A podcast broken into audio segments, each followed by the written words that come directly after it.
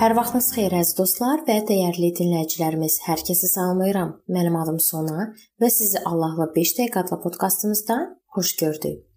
Bu gün mən sizinlə mömin xarakter barəsində danışmağa davam eləyirəm. Mömin xarakterin olmaması o deməkdir ki, etibarsızıq. Yəni ən məsuliyyətli bir vaxtda başqalarını pis vəziyyətdə qoya bilərik və bizdə ən vacib və qiymətli olan şey çatışmır. Mömin xarakter insanın fiziki inkişafının müşayiət etdiyi ruhani inkişafın nəticəsidir.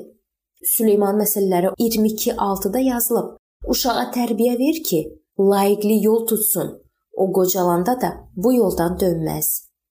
Müəyyən ağrı, acılar və çətinliklər olmadan özündə mömin xarakteri dəyişmək qeyri-mümkündür.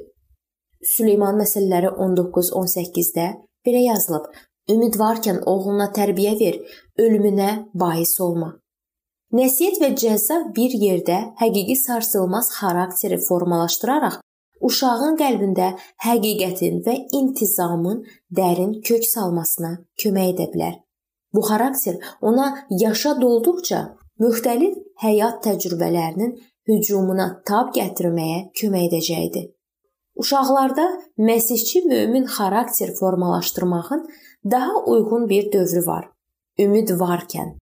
Süleymanın məsələləri kitabının müəllifi bu sözləri boşuna yazmayıb.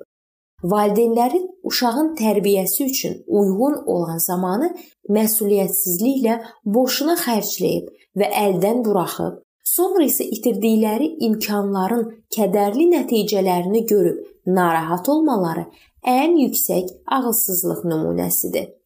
Övladlarımızın mömin xarakterə ehtiyac olduğu barədə qənaətə özlərinin gələ biləcəyini və ya onların mömin xarakterə sahib olmadıqları aydın şəkildə gözlə görə biləcəyimizi düşünüb övladlarımızda mömin xarakterin formalaşması istiqamətində çalışmasaq, bu o deməkdir ki, vaxtı boşuna xərcləmişik. Uşaqlarımızda xarakterin formalaşması üçün ideal vaxt onlar lap balaca olanda başlayır. Böyüyəndə bizim onlara nə vaxtdan tərbiyə verməyə başladığımızı xatırlamamalıdılar. Buna görə də müdrik valideynlər nə qədər ki, münbit şərait yaranıb, uşaqlarında mömin xarakterin formalaşması üçün lazım olan vaxtdan düzgün istifadə edirlər. Uşaqda mömin xarakterin formalaşması özündə indi sadalayacağım keyfiyyətləri təcəssüm etdirir.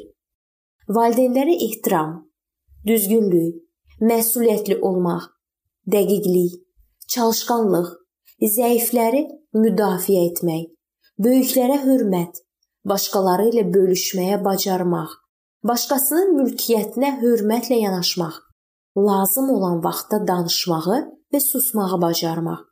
Hətta uşaq haqlı olsa belə onu incidən hərəkətə düzgün reaksiya vermək, sakitləşməyi və ağlamağı vaxtında dayandırmaq. Bu sadaladıqlarımızı və bir çox başqa məziyyətləri uşaqlarımıza təqlin etsək, onların həyatının ayrılmaz hissəsinə ya da ola bilsin yükünə çevriləcək. Buna görə də əgər bu məsələdə çalışqan olmuşuqsa, nəsihət və tərbiyə ya onlara kömək edəcək, ya da onların büdrəməsi üçün maneəyə çevriləcək və bizim valideyn səhlənkarlığımıza görə acı təəssüflərə səbəb olacaq. Bu mövzunun davamını biz növbəti görüşümüzdə araşdırmağa davam eləyəcəyik.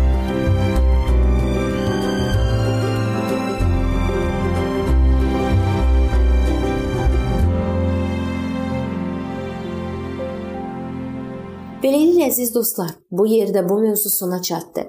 Hər zaman olduğu kimi sizi dəvət edirəm ki, bizim podkastlarımızı Facebook səhifəmizdən və YouTube kanalımızdan dinləməyə davam eləyəsiniz. Nəzərinizə çatdırım ki, müqəddəs kitabı dərindən araşdırmaq istəyənlər linkə daxil olaraq qeydiyyatdan keçə bilərlər. İndi isə mən sizinlə sağollaşıram və növbəti görüşlərdə görmək ümidi ilə sağ olun, salamat qalın.